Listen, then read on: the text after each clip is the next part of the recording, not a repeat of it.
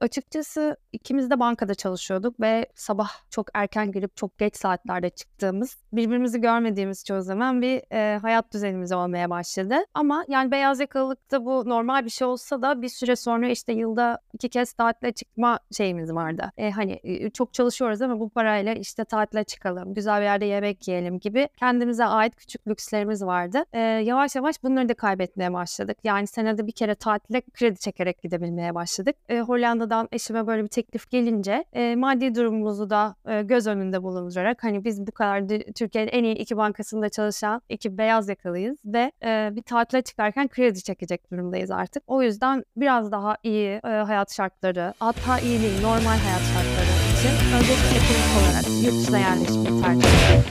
Merhaba herkese ve hoş geldiniz. Bugün bölümümüzde yeşiliyle ve kırmızısıyla ünlü o meşhur şehirden Amsterdam'dan bir konuğumuz olacak. Göç, kültür farklılıkları ve tabii ki absürt hikayelerle dolu bir bölüm bizi bekliyor. Eğer hazırsanız ama bekleyin bir dakika nerede Selim? Ee, Selimcim nerelerdesin? Bir yerlerde bredsel falan mı yiyorsun? Nasıl keyifler? Ve bu son zamanlardaki grevlerden etkilendin mi? İyiyim Taksimcim. Grevler konusuna gelecek olursak da biliyorsun ben bu konularda çok şanslı bir insan değilim. Nerede grev var ona denk geliyorum. Arkadaşlarım arasında da artık adım çıktı. Hani grev çıkacak kesin Selim'in o gün bir uçağı vardır. O gün şehirler arası bir treni vardır gibisinden. Hani mayın tarlası oyunu vardır ya orada oynayan birisi gibi kendimi bir şekilde saklamaya çalışıyorum grevlerden. Sende nasıl keyifler nasıl gidiyor? Abi bizde her şey aynı standart. Sevgililer günü haftası geliyor artık biliyorsun. Lego Battersea'de bir çiçekçi dükkanı açmış. Orayı ziyaret etmeyi planlıyorum bu sevgililer gününde. Ama konumuzu çok fazla uzatmadan belki çoğunuzun da sosyal medyadan tanıdığı Su bugün bizimle beraber olacak. Ben ona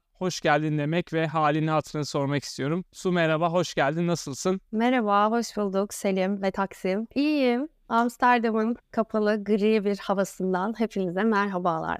Siz nasılsınız?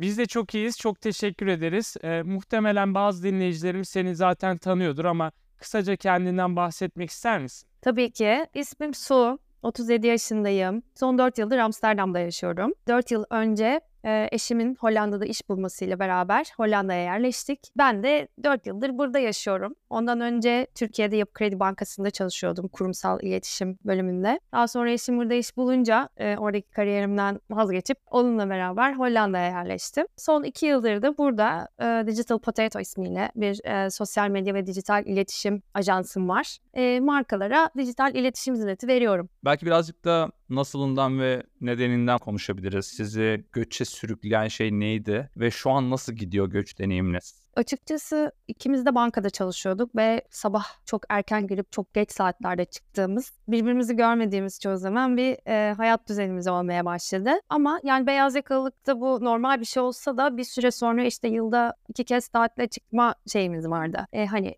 çok çalışıyoruz ama bu parayla işte tatile çıkalım, güzel bir yerde yemek yiyelim gibi kendimize ait küçük lükslerimiz vardı. E, yavaş yavaş bunları da kaybetmeye başladık. Yani senede bir kere tatile kredi çekerek gidebilmeye başladık. E, Hollanda Hollanda'dan eşime böyle bir teklif gelince e, maddi durumumuzu da e, göz önünde bulundurarak hani biz bu kadar Türkiye'nin en iyi iki bankasında çalışan iki beyaz yakalıyız ve e, bir tatile çıkarken kredi çekecek durumdayız artık. O yüzden biraz daha iyi e, hayat şartları, hatta iyi değil normal hayat şartları için öncelikle ekonomik olarak yurt dışına yerleşmeyi tercih ettik. İkinci olarak da aslında birazcık benim kadın olarak İstanbul'da yaşamakla ilgili e, şeyim vardı. Yani nasıl denir? E, güven problemim. E, gece eskisi kadar tek başıma rahat rahat çıkamamaya başladım. Onun dışında gittiğimiz yerlerde sürekli kötü olaylar duymaya başladık. Belki bizim başımıza gelmedi ama kendimi güvende hissetmemeye başladım. Ve aslında şöyle bir duruma geldik. Çok para kazansak da o parayla nereye gideceğiz? E, o yüzden biraz daha normal bir hayat, biraz daha bir kadın olarak kendimi güvende hissetmek istediğim için böyle bir teklif gelince bunu denemek istedik. Şimdi benim iki sorum olacak. Birincisi çok normal ve insani beklentilerle gerçekleşen bir göç gibi görünüyor. Birçok Türk'ün son zamanda yaşadığı tecrübeleri beraber tecrübe ederek taşınma kararı aldınız. İlk sorum aradığınızı bulabildiniz mi? İkinci sorum da bu süreçte taraflardan birisi yani özellikle de belki eş olarak göç edenlerden birisi iş bulduğunda diğer kişi iş bulmadan göç etme deneyimiyle nasıl başa çıkılabiliyor?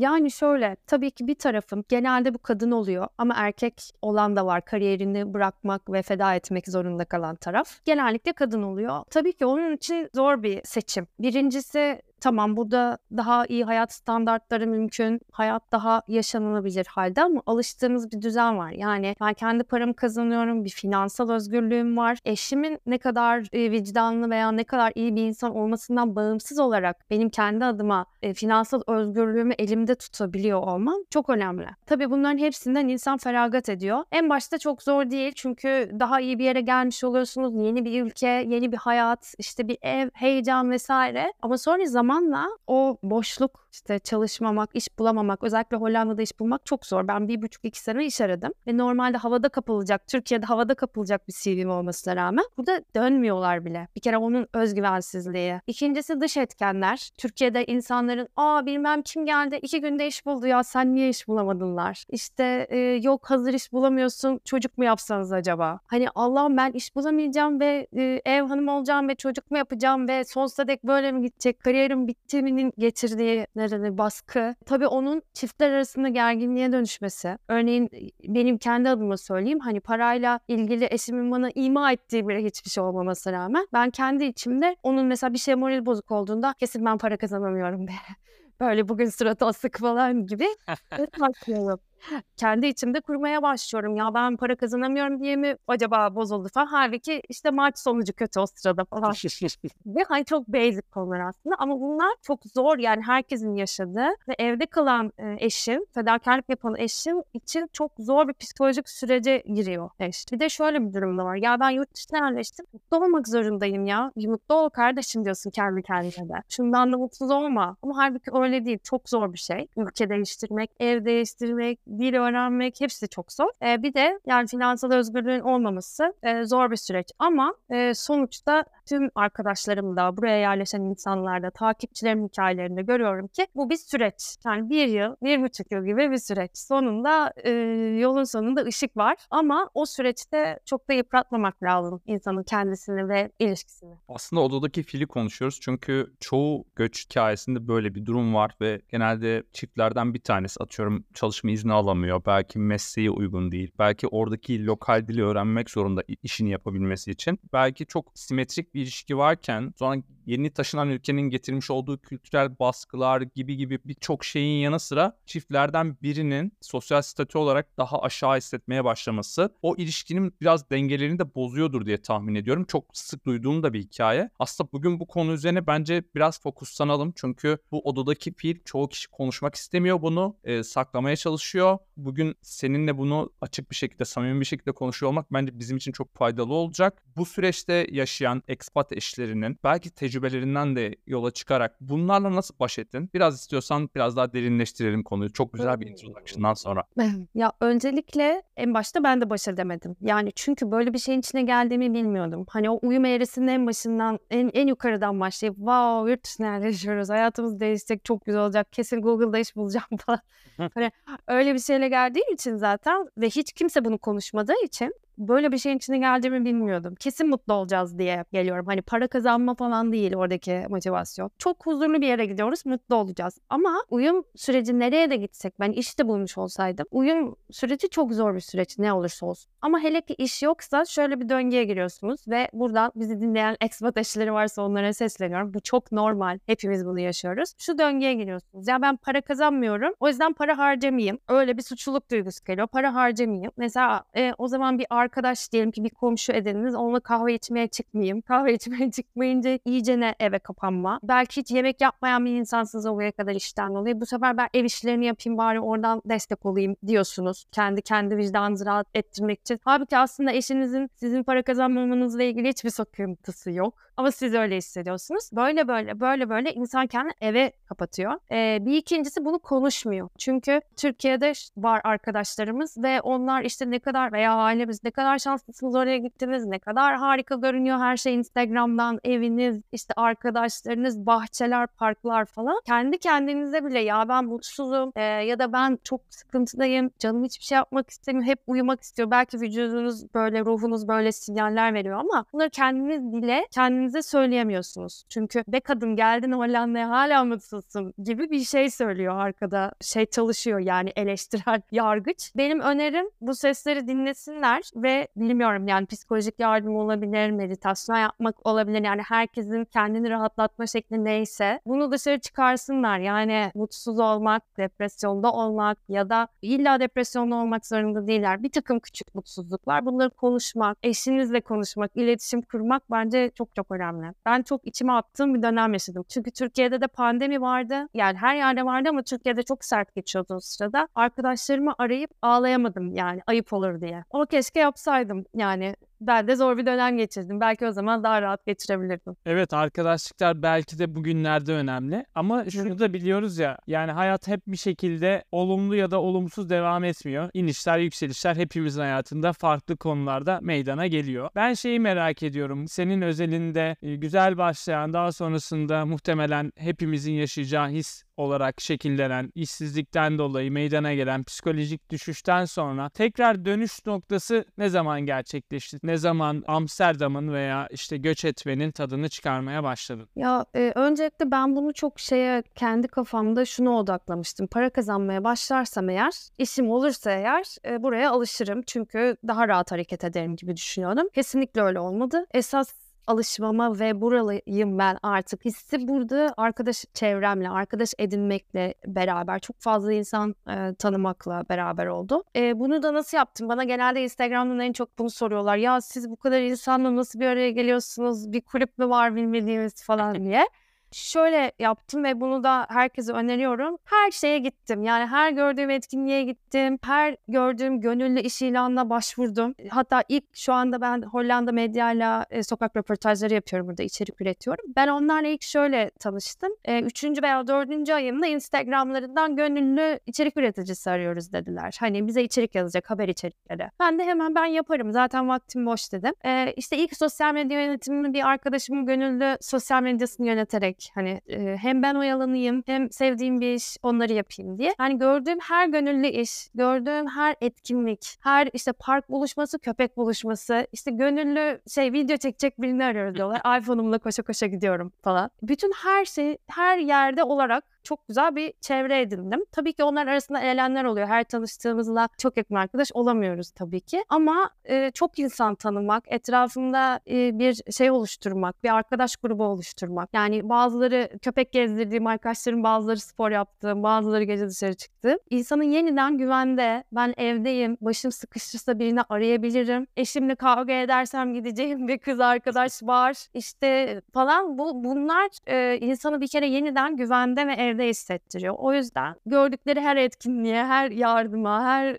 işe koşmalarını öneririm. Ben öyle yaptım. E, o yüzden de mutluyum yani. Şu anda gerçekten çok güzel arkadaşlarım var burada. Peki nasıl bir çıkış yolu bulabildin? Şu an bir ajansım var. O ajansa giden yol nasıl döşendi? Şu an neler yapıyorsun? Yani şöyle e, az önce bahsettiğim arkadaşımın gönüllü sosyal medyasını yönetmeye başladım. E, onlara içerik üretiyordum. Onların spor hocası yani o hesabı takip eden spor hocaları. E, bu burada bir hesapta bir değişiklikler var. Kim yönetiyor bunu vesaire diyor ve o kişi benim ilk müşterim oldu. E, sonra onu takip eden başka biri, onu takip eden başka biri ağızdan ağza 3-4 tane müşterim oldu ama tabii ki beni tercih etmeleri için ben ilk başta çok çok ucuza yapıyordum. Yani gerçekten çok komik bir para yaşını bakıyorum. Ama e, benim hani şeyim oydu, farkım diyeyim. E, beni tercih etmelerinin sebebi e, o, o oldu. Ve böyle böyle 3-4 tane müşterim oldu. E, sonra bu müşteriler bana şey demeye başladılar. Ya siz işte web sitesi banner'da yapıyor musunuz? Ben de diyorum ki evet yapıyoruz. Çünkü ben Türkiye'de aslında bunu yapan insanları tanıyorum zaten. Ve e, Türkiye'de freelance çalışan, freelance değil bir ajanslarda çalışan arkadaşlarım freelance bana iş yapmaya başladılar. Ve böyle böyle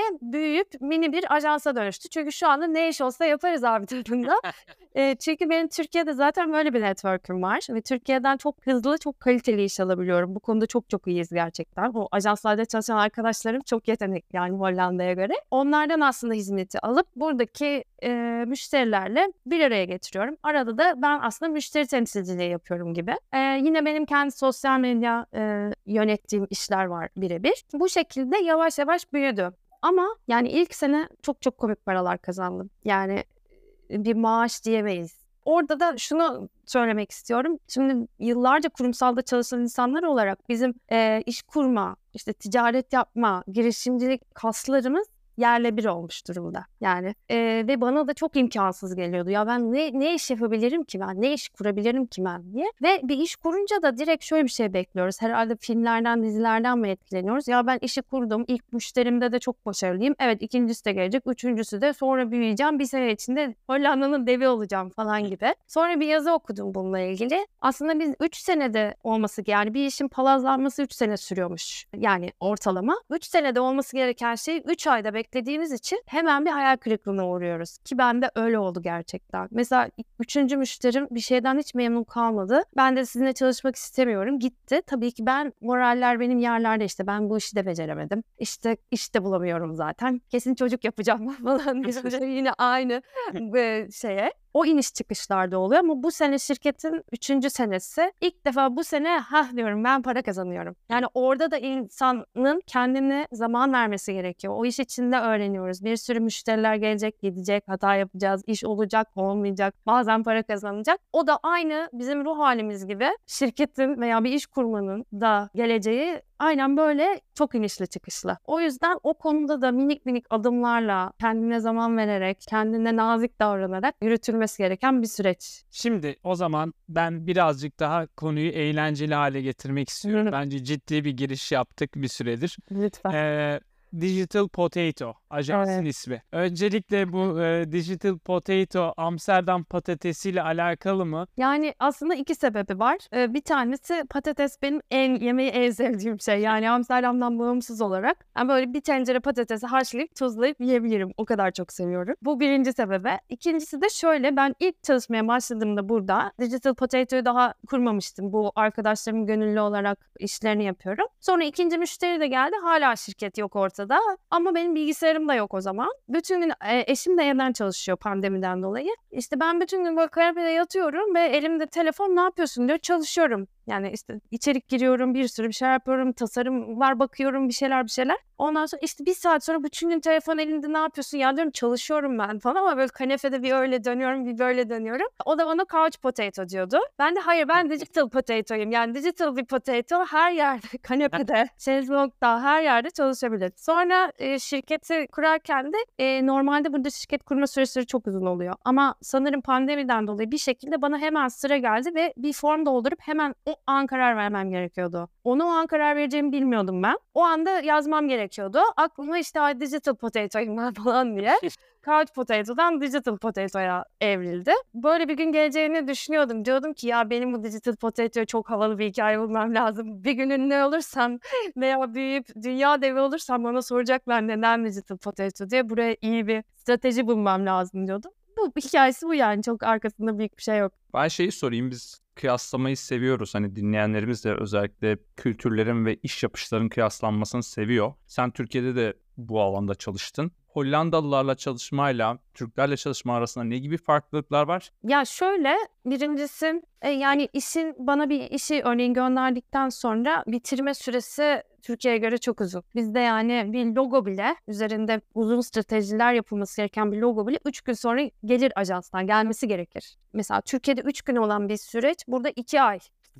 Ee, ve bazen şey oluyor ben e, Türkiye'deki tasarımcı arkadaşlarımla çalışıyorum. E, bana bir hafta sonra gönderiyorlar ama bana müşteri iki ay süre vermiş. Ben bekletiyorum onu hani bekliyor iş orada. Hani iki ay olmasa da biraz daha bir ay sonra gönderiyorum. Çünkü öbür türlü de sürekli şey buna alışırlar diye yapmıyorum. Ama Türkiye'de süreçler çok kısa yani. Burada da gerçekten hakkıyla bir işin üzerinde düşünmek, e, işte strateji yazmak, tekrar denemek, yapmak gibi süreçler için bayağı yani yaratıcı süreçler çok uzun. Bunu iyi anlamda söylüyorum. Dolayısıyla da daha o o zaman verildiği için bence daha kaliteli iş çıkıyor. Şunu da söyleyebilirim. Müşteri benim benimle çalışıyorsa ajans olarak, sosyal medyacı olarak yani hizmeti bana verdiyse, hizmeti benden alıyorsa benim işime karışmıyor. Yani o böyle mi olsaydı bunu niye böyle yaptık, şu niye böyleydi. Ya zaten işi bana vermiş, bunun için bana bir para vermiş. Benim bilgi birikimime zaten güveniyor. Dolayısıyla Dolayısıyla iş geldiğinde e, çok büyük bir sorun yoksa hiçbir şekilde revizyon vermiyor. Tamam diyor yani ben zaten sana bunun için para veriyorum gibi bir e, e, şey var. Hiç kimse birbirinin işine karışmıyor diyeyim. Amsterdam'a bir tasarımcı cenneti diyebiliriz o zaman. Çünkü tasarımcıların Türkiye'de en çok çektiği acı yüzlerce revizyon. İşini gerçekten defalarca yapmak zorundasın ve yaratıcılığın bir yere kadar değerli. Diğer tarafın ne hayal ettiği aslında günün sonunda. O zaman sen yap. Tabii. Deme Aynen. iyisi geliyor. Aynen öyle. Yani tabii burada şey de var. O da çok şok edici. Revizyon ücreti var zaten. Bir kere revizyon yapıyoruz. Ha. Birden sonra birden sonra ücreti var ya da e, bazı müşterilerinde saatlik çalışıyor. İstediği kadar revizyon isteyebilir mesela benden. Saatlik ücret alıyorum ben. Bazı müşterilerle saatlik çalışıyoruz. Bazı müşterilerle işte işin teslimi bir revizyon ücreti şudur. Her bir revizyon şu kadardır Belki bu şeklinde. yüzden kimse revizyon vermiyor. Yani muhtemelen Diğer bölümlerde incelediğimiz bir rapor vardı. Expat Insider raporu. Özel hayat ve iş dengesi açısından Amsterdam dünyanın en çalışılabilir ülkesi olarak görünüyordu ekspatlar açısından. Bunda doğrular nitelikte ama ben artık bu çemberden biraz çıkalım istiyorum. Selim bugün ben çıkmaya çalıştıkça sürekli konuyu işe getirmeye. Evet. Biraz daha eğlenceli konular. İşte e, oradaki kültürel hayattaki farklılıkları mesela daha çok öğrenebiliriz. Çünkü bu aslında bir insan için daha önemli. Herkes iş yapmak zorunda değil. Amsterdam'a gelip biraz belki kararını alırken insanlara önerebileceğin bir yer mi kesinlikle bu? Ee, özellikle bilmiyorum belki kendi geçmişinden de bahsedersin. Belki İstanbul'da yaşayan birisi için çok iyi olabilir ama Ankara'da yaşayan birisi için çok iyi olmayabilir. Senin gözleminde Amsterdam ve Türkiye'deki hayatınla ilgili ne gibi kültürel farklılıklar meydana geldi? Bunları yönetme noktasında kendini nasıl değerlendiriyorsun? birazcık elma ile armutu karşılaştırmak gibi oluyor aslında. Çünkü e, ben İstanbul'da yaşarken çok e, hareketli işte yani Türkiye'de İstanbul'da her yer yani bir restoran bile gece 12'ye kadar 1'e kadar açıktır işte çorbacı falan olur gece sokakta. Eczane bile açıktır çok kalabalık yerlerde. Hep böyle sokakta insanlar vardır hafta içi hafta sonu. E, kalabalık bir şehir olmasından da tabii ki kaynaklı ama çoğu yer sabahlara kadar hizmet verir yani ya da gece 12'ye kadar. Hollanda'da şöyle bir şey vardı. Dışarıdan e, özgürlükler ülkesi olarak görülüp işte gece hayatı falan filan gibi gör- görülse de Hollanda'da akşam 6'da 7'de hayat bitiyor. Herkes evine gidiyor ve her yer kapanıyor. Sadece turistik bölgeler e, açık. Dolayısıyla o canlı, hareketli, şaşalı özellikle gençler için diyeyim hayatı Amsterdam'da yok. Ee, ikincisi beni en çok zorlayan hala da al, yani alıştım ama alışmak istemiyorum. Ee, en çok zorlayan şey her yere rezervasyon yaptırma zorunluluğu ve belki iki ay önceden. Yani hiç özel bir yer değil, bir fine dining değil. Normal bir pizzacı mesela. Bir ay önceden oraya rezervasyon yaptırmanız gerekiyor gitmek için. Ve şöyle kültürel bir şey de var. Diyelim ki rezervasyon yaptırmadan gittiniz kapısına oranın. İçeride yer olsa bile almıyor. Çünkü yani ne demek rezervasyonsuz geldim? Hani bu bir saygısızlık yani. Siz nasıl yani böyle bir şey düşünebildiniz gibi bir bakış atıyor e, size. Bazı yerler walk-in alıyor ama almayan yerler için isterse içerideki bütün masalar boş olsun. Almıyor. Bunun bir sebebi de şuymuş. Ben de yeni öğrendim. E, o gün rezervasyon yaptıran kişiye göre insan çalıştırıyor. Yani 10 kişi rezervasyon yaptırdıysa bir garson çalıştırıyor o gün. Günlük çalışma olduğu için. Dolayısıyla ya da mesela akşam 6'da kapatmayı planlıyor rezervasyon olmadığı için akşam 6'dan sonra. Dolayısıyla almıyor. O yüzden ya bu akşam canım sıkkın gel şurada iki şarap içelim şuraya gidelim dediğinizde gidemiyorsunuz. O çok can sıkıcı. Ya da şimdi haftaya ablam gelecek yeğenimle beraber. Onları götürmek istediğim yerler var. Baktım internetten hepsi dolu. bir hafta önceden. Ee, bu, bu bu kadar düzen bir yandan iyi evet ama bir yandan da canım sıkıyor. Bizim Akdenizli ruhumuzu özlüyorum bazen o rahatlığımızı. Okey. O zaman şöyle ben tekrardan e, çalışma konularına şaka hayır. Gideceğim tekrar ben de aynı track'ten devam edeceğim. İstersen birazcık da senin bu içerik üretme sürecini konuşalım. Bir projem var zaten şu an bizim de seni keşfettiğimiz ve Hollanda'daki birçok arkadaşımla takip ettiği bir hesabım var. Buraya ne zaman başladın? Hangi motivasyonla başladın? Bir de senin böyle bir içeriğin vardı. Bizim de çok hani aldığın tepkileri biraz derlediğin, topladığın. 2023 özet.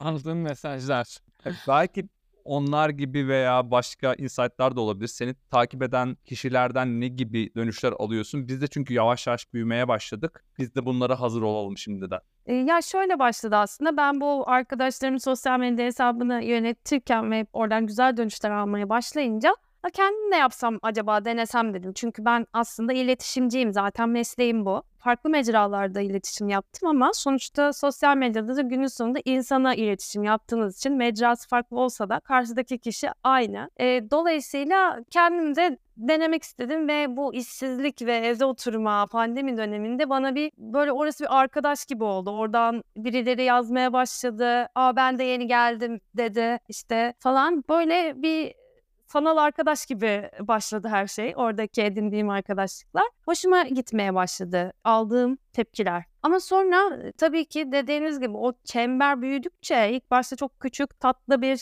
ne bileyim 5000 takipçideyken işte expat eşleri, Hollanda'ya yerleşenler, işte evet biz de aynı sıkıntıları, aynı mutlulukları yaşıyoruz diyenler falan. O çember genişledikçe tabii ki çok enteresan insanların karşısına da çıkmaya başlıyorsunuz. Sosyal medya öyle bir şey. Yani en alakasız insanın karşısına en özel şeyinizle çıkıyorsunuz. Eşim, çocuğum, evim. Ee, o, o öyle bir saçmalık oluyor. Onun bir şoku oluyor ilk başta. Sanırım bir linç yememiştim.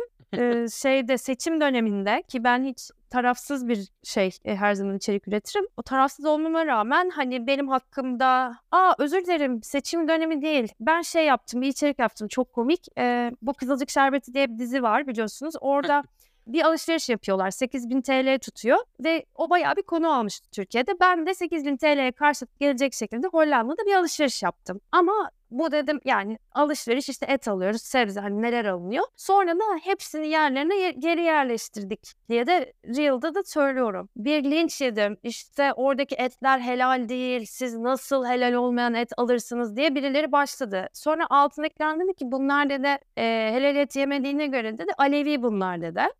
e, Ondan sonra e, bunlar dedi işte geliyorlar böyle hani saçı açık Türkse Alevidir gibi bir şey başladı. Sonra Aleviler oradan girdi falan. Bir de tabii altta kavga çıkınca algoritmalı iyice tepelere taşıyor. İyice kavga büyüyor falan böyle.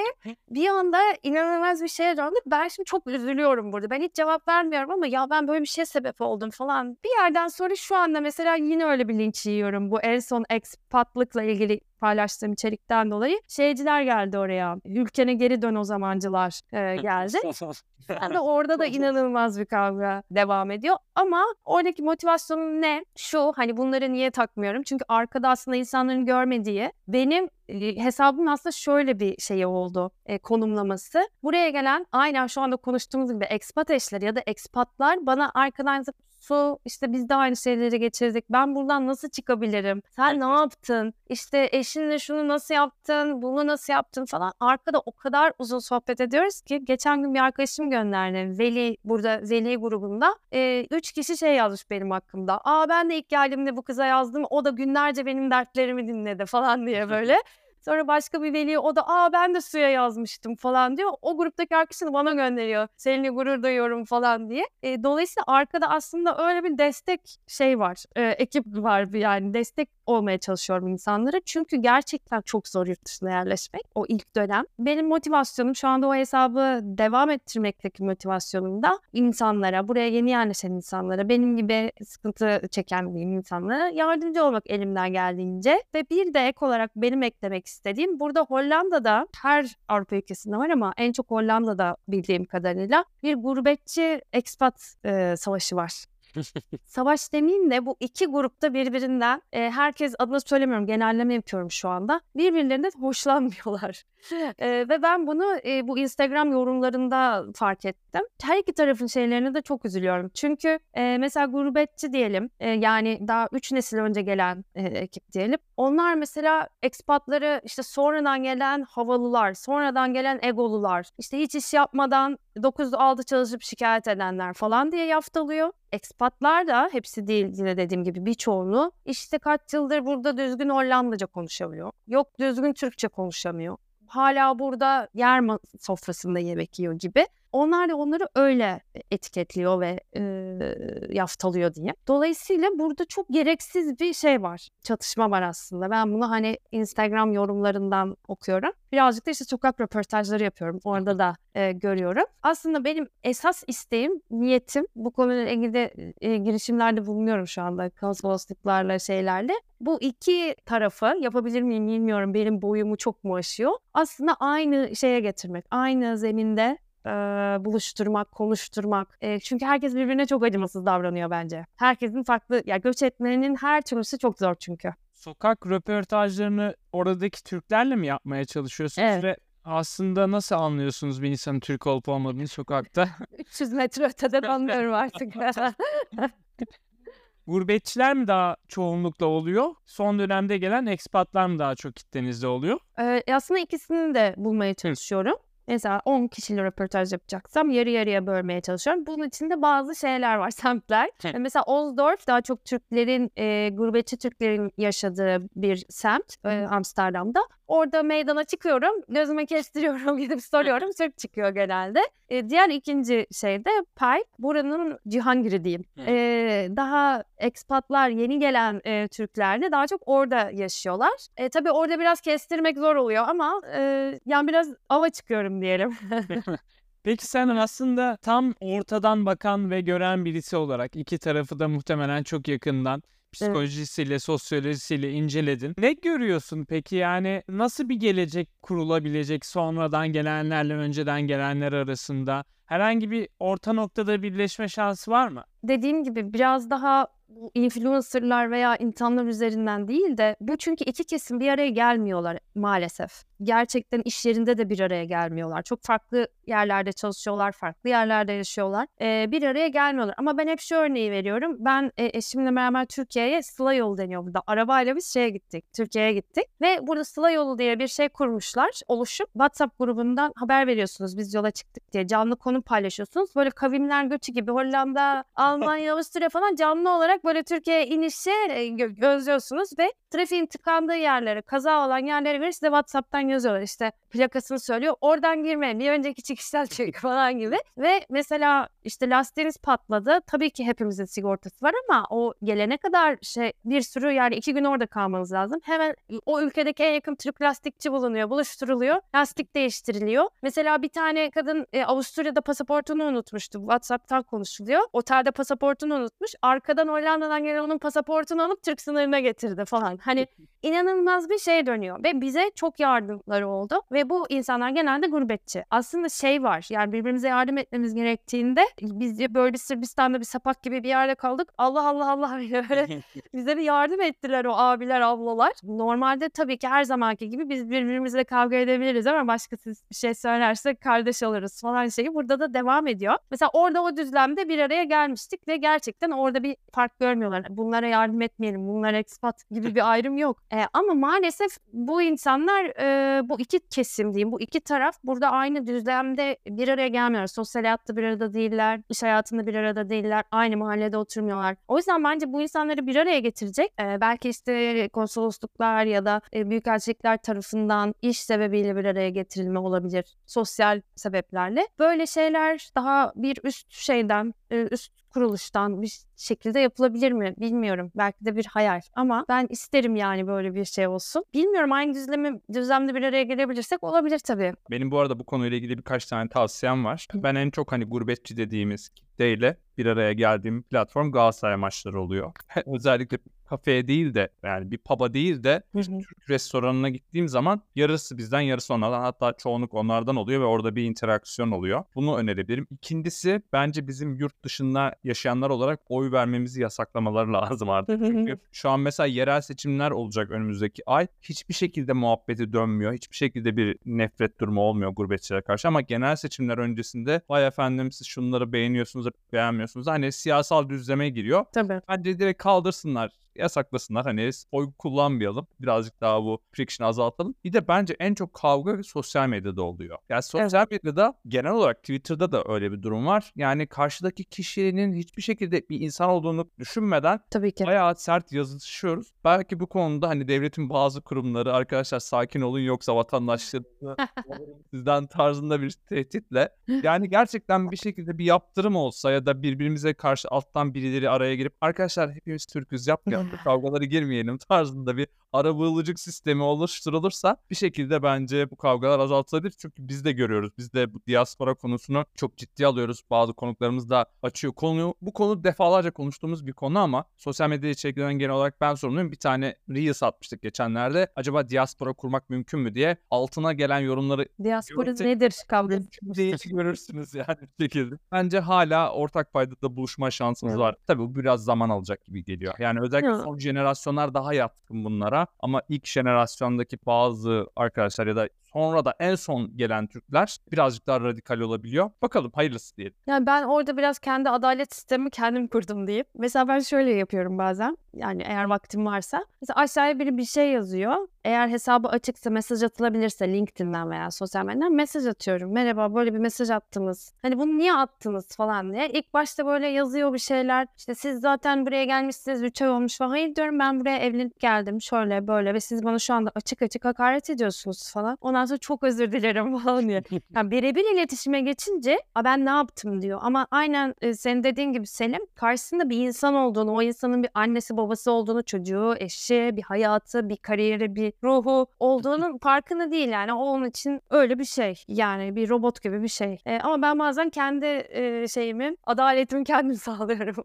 En güzeli. Şimdi bu bütün genel konuştuğumuz hikayelerde aslında Su belki biraz şöyle bir resim çizmiş olabiliriz dinleyenlere. Ya işte yurt dışına göçüyoruz biz Türkler olarak ve orada da hala daha Türklerle bir iletişimimiz var gibi bir resim çiziyoruz. Ama bizim sosyal bir canlı olarak özellikle de sonradan gelen insanlar olarak belki de göçtüğümüz topluma biraz daha adapte olma açısından diğer göç edenlere göre biraz farklı gibiyiz. Mesela senin başka uluslardan bir arkadaş çevren var mı? Ve Hollandalıları biraz daha welcoming açısından, seni kabullenme açısından nasıl görüyorsun? Ya şöyle, e, ben belki burada kötü bir örnek olabilirim. Çünkü birincisi bir buçuk sene hiç çalışmadım. E, sonra kendi işimi kurdum ve orada da evden çalışıyorum. E, dolayısıyla bir Hollandalı ile yolum kesişmiyor. Ama tabii ki kendim kesiştirmek için çok uğraştım. Mesela komşularımıza işte ilk taşındığımızda annem geldiğinde börek götürdüm. İşte eşimin doğum günü oluyor evde hani ufak bir şey yapacağız davet ediyorum. Onu yapıyorum bunu yapıyorum. Asla ve kata e, arkadaş olamadım onlarla. Yani tercih etmediler. Ama ben burada şeye inanıyorum. Yani sadece Türk olduğumuz için değil gerçekten kendi içlerinde de öyleler. Yani bir komşuluk ilişkisi zaten yok. Başkasıyla da yok. Benim mahallemden bahsediyorum ben. Tabii ki herkes öyle olmayabilir. Ve ben bunu bir kere Instagram'dan yazmıştım. Ya ben ben benim hiç Hollandalı arkadaşım olmuyor. Komşuculuk yok. İşte o yok bu yok. Yani bu benle ilgili bir şey mi? Bizim Türk olmamızla ilgili bir şey mi vesaire. Daha yani mesela Delft'te yaşayan işte Rotterdam'da yaşayan arkadaşlarım ve takipçilerim şey dedi. Hayır burada hiç öyle değil. Bizim hep Hollandalı komşularımızla yemek yiyoruz, buluşuyoruz. İşte e, demişlerdi. Biraz bence benim gözlemlediğim biraz Amsterdam'da böyle. E, Hollandalılarla e, dost olmak çok zor. Yine veli gruplarından mesela arkadaşlarım var. Hani daha Hollandalı annelerle şey olan. E, onlar da aynı şeyi söylüyor. Yani hayır diyorlar. Hiç çağırmıyorlar. Hani zorunlu olarak bir yere çağrılmamız gerekiyorsa evet. Ama onun dışında ya gel hafta sonu kahve içelim falan öyle bir şey yok. E, dolayısıyla Hollandalılarla arkadaş edinmek yani yaşınız küçükken belki olabilir dediğiniz gibi üniversiteye geldiyseniz falan. Şunu sormuştum yine hesabımdan acaba ben bir ofiste çalışıyor olsaydım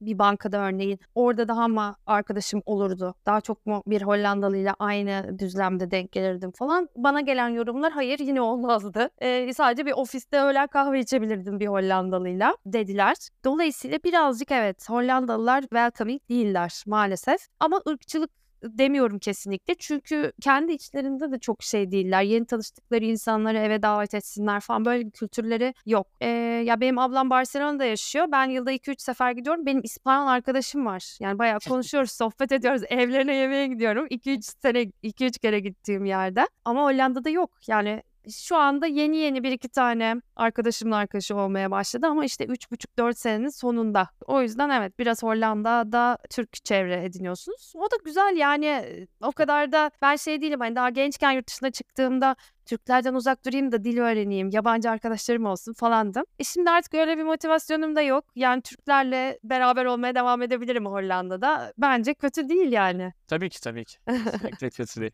Kötü olan onların çok welcoming olmaması. Tabii evet evet maalesef.